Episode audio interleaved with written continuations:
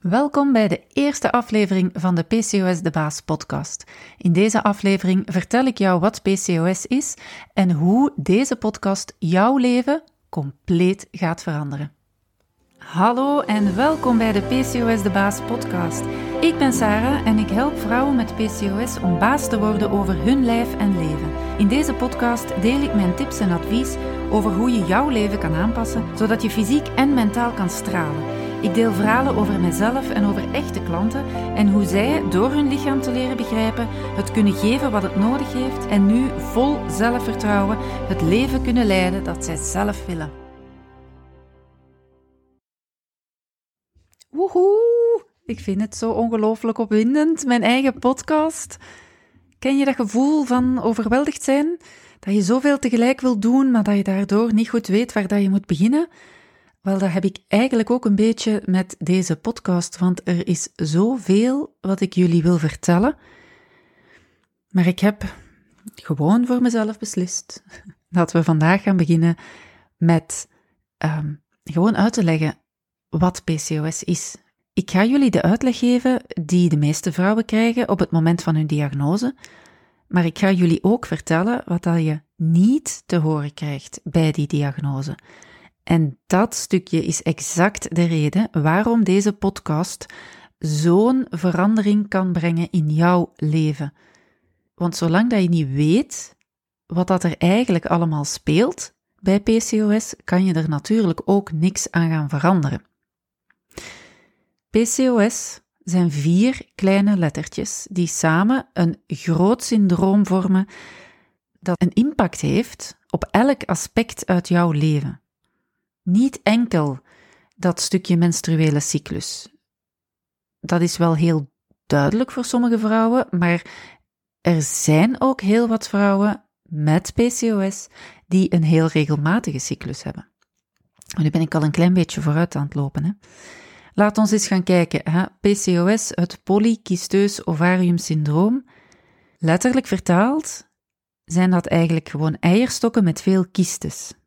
Maar die kystes, dat is eigenlijk een beetje een verkeerd gekozen woord, want het zijn follicels, dus eiblaasjes die daar zitten in die eierstokken, die klein blijven omwille van een hormonaal onevenwicht en daardoor nooit kunnen uitgroeien tot het dominante follikel klaar om te gaan springen.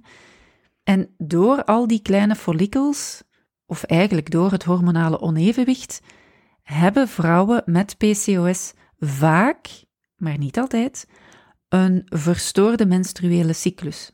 Er zijn vrouwen in begeleiding bij mij die um, wel vier, vijf jaar geen cyclus meer gehad hebben, geen ijsprong meer gehad hebben, niet in de overgang zijn, heel veel, um, ja, een grote eicelreserve, een voorraad hebben, maar die worden nooit groot genoeg en kunnen daardoor niet springen en daardoor krijg je geen maandelijkse ijsprong en dus een menstruatie. Maar heel dat luik eierstokken en follikels is eigenlijk maar een klein onderdeel van PCOS. Het is het gevolg van een groot onderliggend hormonaal onevenwicht. En heel wat van mijn cliënten krijgen op het moment van hun diagnose nogal een sumiere uitleg.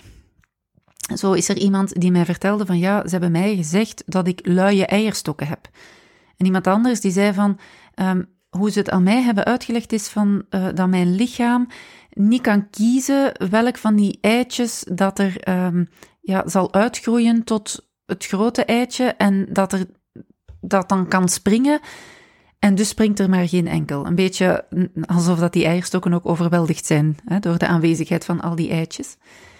Nu, ik vind dat eerlijk gezegd nogal een, uh, een betuttelende uitleg.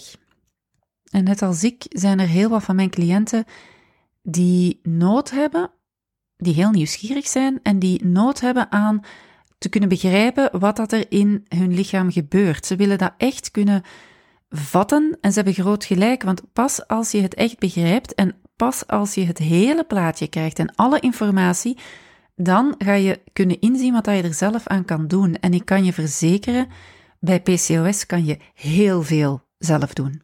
En dat is dus exact wat ik doe. Ik leg op een wetenschappelijke manier, in mensentaal wel, uit wat PCOS is, wat het doet met jouw lichaam, welke impact dat het heeft op de eierstokken, op het lichaam, op je kinderwens, maar ook op jouw gezondheid. Want PCOS is zoveel meer dan die vele kistes op die eierstokken. Het beïnvloedt echt jouw hele gezondheid. Dat hormonale onevenwicht reikt veel verder dan die geslachtshormonen die instaan voor het, um, het groeien van de follikels en het springen van het eitje. Je hebt bijvoorbeeld ook insuline, dat beïnvloed wordt door PCOS. Er is cortisol, het stresshormoon. Je hebt leptine, dat is het verzadigingshormoon. Ghrelline, het hongerhormoon. Melatonine, het slaaphormoon.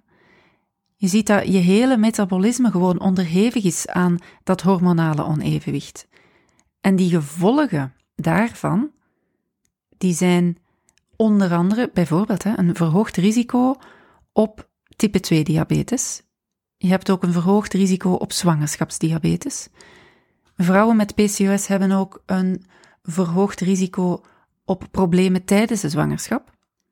Niet-alcoholische leververvetting, hoge cholesterol, hoge bloeddruk, problemen met het gewicht, mentale impact van die hormonen. Heel veel vrouwen met PCOS hebben angstige gevoelens of depressieve gevoelens, um, vermoeidheid. Dus morgens moe opstaan, slecht slapen, moeilijk inslapen. Um, impact op je zelfbeeld ook nog eens. Dus je ziet, dat zijn allemaal zaken waar eigenlijk bij de diagnose niks over gezegd wordt, terwijl dat ze wel een heel grote impact hebben op de levenskwaliteit.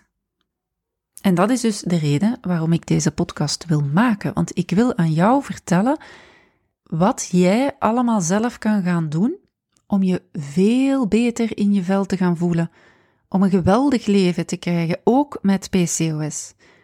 Want spijtig genoeg is de oplossing die nu voorgesteld wordt als je um, bij de gynaecoloog of de huisarts terechtkomt, is de pil. Of wanneer dat je kinderwens hebt, hormoontherapie. Maar er wordt niks gezegd over leefstijladvies, terwijl dat nu net die gezondheidsrisico's waar dat we het daarnet over hadden kan doen dalen. Dat kan die pil niet, dat kan die hormoontherapie niet, dat kan jij alleen. Door jouw leefstijl te gaan veranderen. En jawel, hè, vrouwen met overgewicht, die krijgen bij de gynaecoloog in geval van een kinderwens wel vaak het advies om eerst af te vallen. En dan mogen ze terugkomen. Maar voor al die lieve vrouwen daarbuiten die dat advies gekregen hebben, heb ik een boodschap. Dat het zo moeilijk gaat, heeft niks te maken met dat jij geen karakter zou hebben.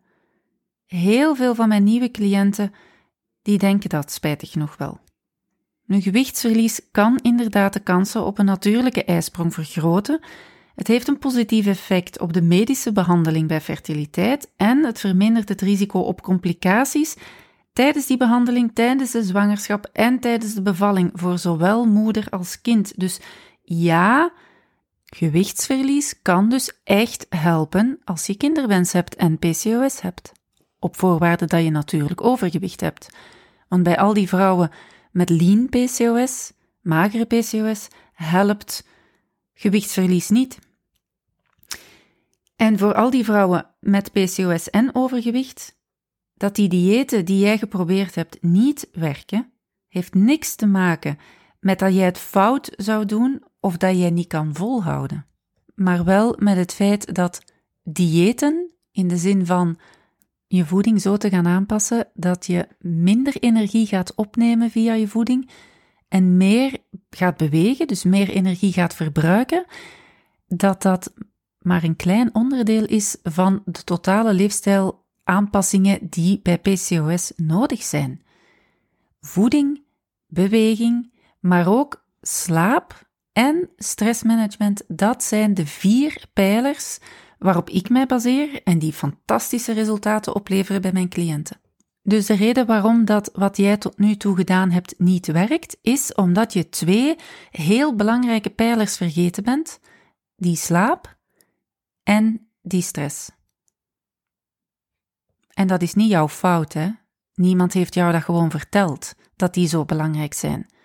Maar ik vertel het jou vandaag, zodat je er vanaf vandaag attent op kan zijn, zodat je met veel meer zelfliefde naar jezelf kan gaan kijken, met veel meer begrip naar jezelf kan gaan kijken, en dat je de motivatie vindt om opnieuw aan de slag te gaan, om jouw dromen waar te maken, om de kwaliteit van jouw leven zoveel te gaan verbeteren dat jij energie over hebt om die dingen te doen die dat jij leuk vindt, om het leven te gaan creëren dat je verdient en dat jij wil. Je merkt dat ik mij daar nogal in kan opwinden. Hè? maar goed, laat ons um, eens teruggaan naar de essentie. PCOS is dus een onevenwicht in de hormoonhuishouding. Nu, je krijgt de diagnose als je twee van de drie volgende criteria kan aanvinken op het moment dat je dus um, ja, gezien wordt door een arts. Nummer 1 is een te hoge concentratie van testosteron in het lichaam, dat ze kunnen vaststellen via een bloedtest. Maar soms is dat zelfs niet eens nodig om een bloedtest te doen, want je kan het ook gewoon bij een aantal vrouwen aan een aantal uiterlijke kenmerken herkennen. Die testosteron die zorgt namelijk voor ongewenste haargroei in het gezicht, op um, de buik, de borst, maar tegelijkertijd ook voor haarverlies in een typisch mannelijk patroon. En nog iets waar dat je dan kan merken dat jouw testosteronwaarde hoog staat, dat is aan de acne. Acne wordt ook veroorzaakt door testosteron. Het tweede criterium is een onregelmatige cyclus, waarbij dat je minder dan acht bloedingen hebt per jaar, maar wel zonder dat je bijvoorbeeld de pil neemt of een spiraaltje hebt, dus iets van hormonen zou nemen. En het laatste criterium is dat ze via een echo meer dan 12 follikels per eierstok kunnen detecteren. Dus die drie kenmerken of criteria, die bepalen de diagnose van PCOS. Als je er twee van die drie kan aanvinken, heb je dus PCOS. Nu, dat betekent als je er maar twee van de drie nodig hebt, dat er verschillende combinaties mogelijk zijn. Er zijn vrouwen die de drie criteria kunnen aanvinken, zowel het testosterongehalte als de onregelmatige cyclus als follikeltjes op de eierstokken. Maar er zijn ook vrouwen die bijvoorbeeld, zoals ik helemaal in het begin van de podcast al vermeldde, die wel een regelmatige cyclus hebben, maar die wanneer dat ze een bloedtest ondergaan, um, wel een te hoog testosterongehalte kunnen aantonen en die mm, via een echo wel die follikels op de eierstokken um, te zien krijgen. Dus zo heb je verschillende fenotypes, noemen ze dat, verschillende combinatiemogelijkheden. Dat maakt dus dat PCOS bij elke vrouw anders is, dat het zich bij elke vrouw anders zal uiten en dat er niet zoiets is als een, een typische PCOS-vrouw. En dat maakt ook dat het behandelen van PCOS een heel persoonlijke aanpak vraagt. Want wat voor jou werkt, hoeft niet per se voor iemand anders te werken. Of omgekeerd, iets wat voor iemand anders gewerkt heeft, zal niet per definitie werken voor jou. Dus het is belangrijk om je eigen weg daarin te gaan ontdekken en jouw pad te gaan bewandelen, wat jouw lichaam nodig heeft. En daarom is het belangrijk dat je je lichaam leert kennen, dat je heel goed leert observeren wat jouw lichaam van signalen geeft, dat je gaat begrijpen op welke manier PCOS daarin een rol speelt. En als je dat begrijpt, dan kan je beginnen om jouw leefstijl daarop aan te passen. Nu, testosteron is dus het enige hormoon dat meegenomen wordt in de diagnose van PCOS. Maar, zoals ik al zei, zijn er veel meer hormonen dan die testosteron bij betrokken. En nu is het wel nodig om te snappen hoe dat hele hormonale systeem juist werkt, om ook PCOS beter te gaan begrijpen. Dus ik neem je heel graag mee op een reis doorheen ons lichaam en we starten in onze hersenen, want daar zit onze controlekamer. Dat is eigenlijk onze hypothalamus die de controle uitvoert, die de hele tijd aan het meten is, signalen opvangt van in jouw lichaam, maar ook van buitenaf, bijvoorbeeld of het donker is of licht is, uh, de temperatuur buiten, maar dus ook in ons lichaam, bijvoorbeeld um, hoe onze bloedsuikerspiegel staat. Als we bijvoorbeeld net gegeten hebben, dan gaat onze bloedsuikerspiegel stijgen. Dat wordt opgevangen door onze hypothalamus. Die gaat er dan voor zorgen via het delegeren naar andere um, plaatsen in ons lichaam dat er insuline aangemaakt wordt, zodat die suiker vanuit die bloedbaan weg kan en in de cellen opgenomen kan worden. Van zodra dat die bloedsuikerspiegel weer normaliseert, zal onze hypothalamus zeggen van het is goed, stop maar met die insuline. Het werkt een beetje zoals de thermostaat in onze woonkamer. Hè.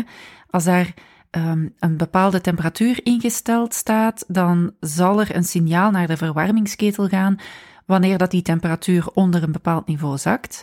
Die verwarmingsketel gaat aan en na verloop van tijd, als de temperatuur bereikt is, komt er een nieuw signaal en gaat die verwarmingsketel weer uitspringen. Je kan je lichaam zien als een beetje een filharmonisch orkest, hè, waarbij dat de hypothalamus de directeur is van die concertzaal.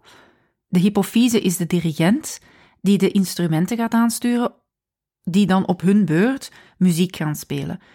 En die instrumenten en die muzieknoten, dat zijn dan de klieren en de hormonen die zij aanmaken. En die dirigent die gaat dirigeren welke klieren er mogen spelen en hoeveel, hoe luid ze mogen spelen, dus hoeveel hormonen dat ze gaan aanmaken. Maar soms kan daar wel eens een foutje in sluipen. Dat er bijvoorbeeld een klier te veel of te weinig, te vroeg of te laat gaat beginnen spelen. En dan gaat uw muziekstuk vals klinken. En die dirigent die gaat dan proberen om alles weer een beetje rechter te trekken, door aan andere instrumenten de opdracht te geven om ook luider te beginnen spelen of net stiller te beginnen spelen.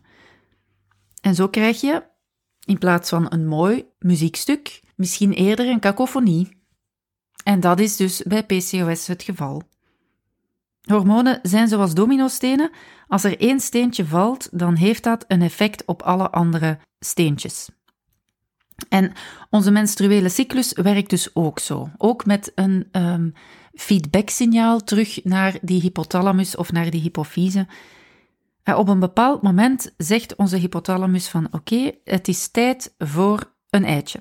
En die geeft het signaal aan de hypofyse, die begint met het eerste hormoon te gaan produceren in de menstruele cyclus. En het zijn er heel wat. Dus als dit nodig is, dan spoel je dit stuk nog maar eens terug om opnieuw te luisteren. Maar dus het eerste hormoon dat er door de hypofyse aangemaakt wordt, is het follikelstimulerend hormoon, of het FSH. En dat FSH gaat de eierstokken triggeren om een aantal follikeltjes te gaan laten groeien. Per cyclus worden er ongeveer 20 follikels um, vrijgezet die beginnen te groeien. Maar er is er normaal gezien maar eentje daarvan dat onder invloed van dat follikelstimulerende hormoon gaat uitgroeien tot een dominant follikel van 2 centimeter groot. Rond, de, rond al die follikels zitten een aantal cellen en die cellen die gaan beginnen oestrogeen aan te maken. Dat ken je waarschijnlijk wel, het vrouwelijke uh, geslachtshormoon oestrogeen. Het is die oestrogeen die dan als signaal gaat terugdienen voor onze hypofyse om te zeggen van kijk, er is daar een eitje nu groot genoeg geworden, als, het, als dus die oestrogeen um, op het maximum zit, als er heel veel oestrogeen in het bloed zit, dan gaat dat het signaal zijn voor die hypofyse om te stoppen met die FSH te gaan produceren en om LH te gaan vrijzetten, het luteiniserende hormoon. En dat hormoon dat staat in voor de ijsprong. Dus dat dominante follikel is op dat moment groot genoeg en gaat onder invloed van dat LH openbarsten. En het eitje dat daarin zit, dat gaat dan via de eileiders richting de baarmoeder verhuizen. En wat er achterblijft in die eierstok, dat is het gele lichaam. En dat geellichaam, dat begint dan met progesteron aan te maken. Dus dat is het andere vrouwelijke hormoon. En die progesteron die gaat ervoor zorgen dat ons baarmoederslijmvlies, dat onder invloed van oestrogeen is toegenomen in volume, dat dat van structuur gaat beginnen veranderen.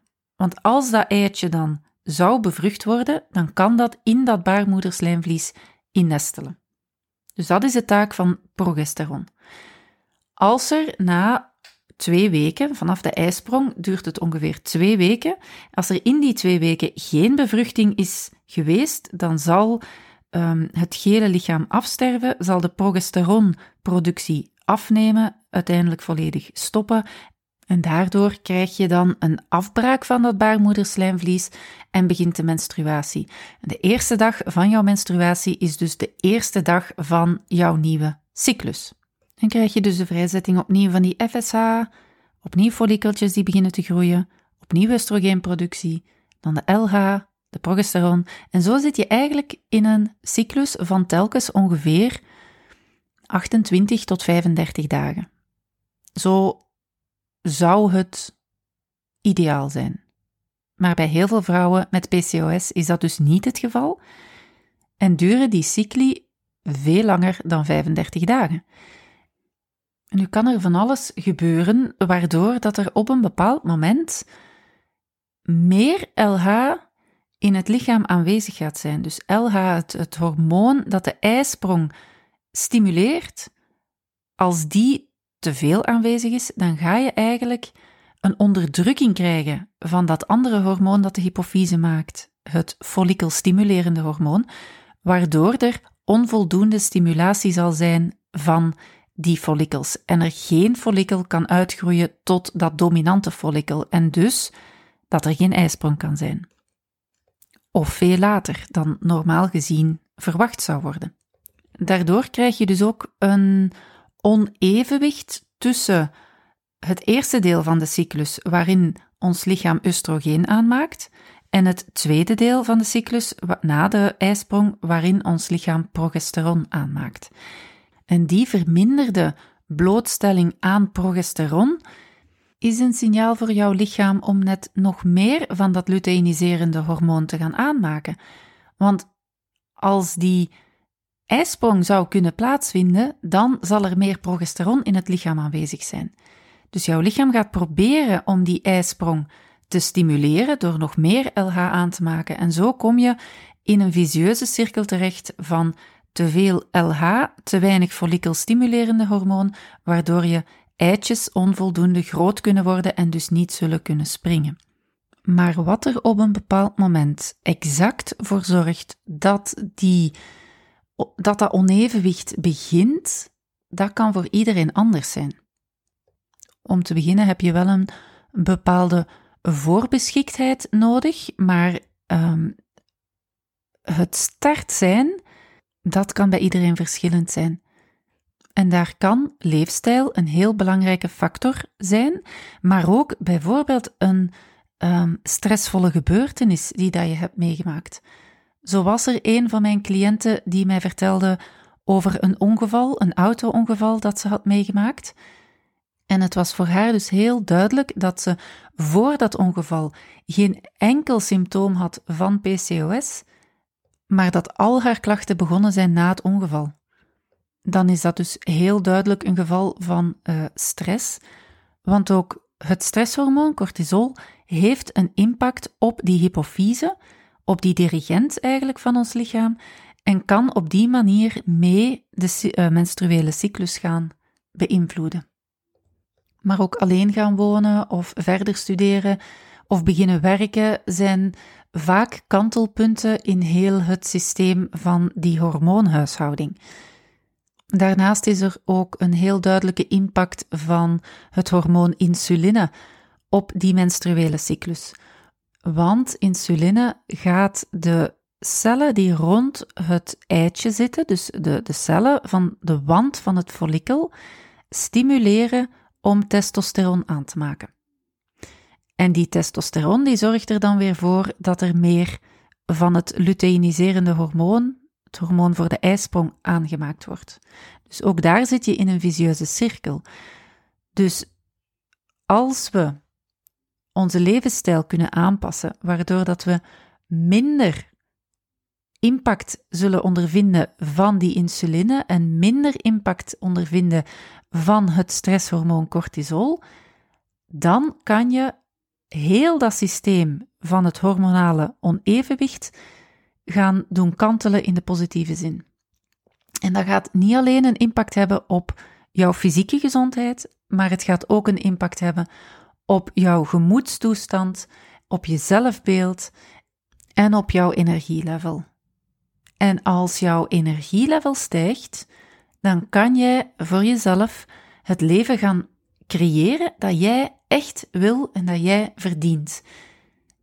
En dat is dus wat ik doe. Ik help vrouwen om weer baas te worden over hun lijf en hun leven, zodat ze die energie terugvinden, waardoor ze niet alleen het leven kunnen gaan leiden dat zij echt willen, maar ook energie over hebben om s'avonds nog met hun partner iets leuk te doen of met de kinderen te spelen, zodat ze weer vertrouwen krijgen in hun lichaam en het graag leren zien. En dat wens ik ook voor jou. We zijn al aan het einde gekomen van deze allereerste aflevering van de PCOS de Baas podcast. Ik vind het heel erg fijn dat jij geluisterd hebt vandaag. Ik wens jou nog een prachtige week en ik zie jou heel graag terug in de volgende aflevering van de PCOS de Baas podcast. Dag! Hey hey, als jij genoten hebt van deze podcast en als jij het beu bent om zonder blijvend resultaat van dieet naar dieet te gaan, als jij je relatie met eten en met jezelf wil verbeteren en zonder schuldgevoel wil kunnen genieten van wat je eet, dan is de gratis mini-reeks voor goed gewicht verliezen met PCOS exact wat je nodig hebt. Je ontvangt gedurende drie dagen een video in je mailbox waarin ik jou leer hoe je dat doet. Meld je aan op www.saranoelmans.be slash minireeks en bekijk onmiddellijk de eerste video.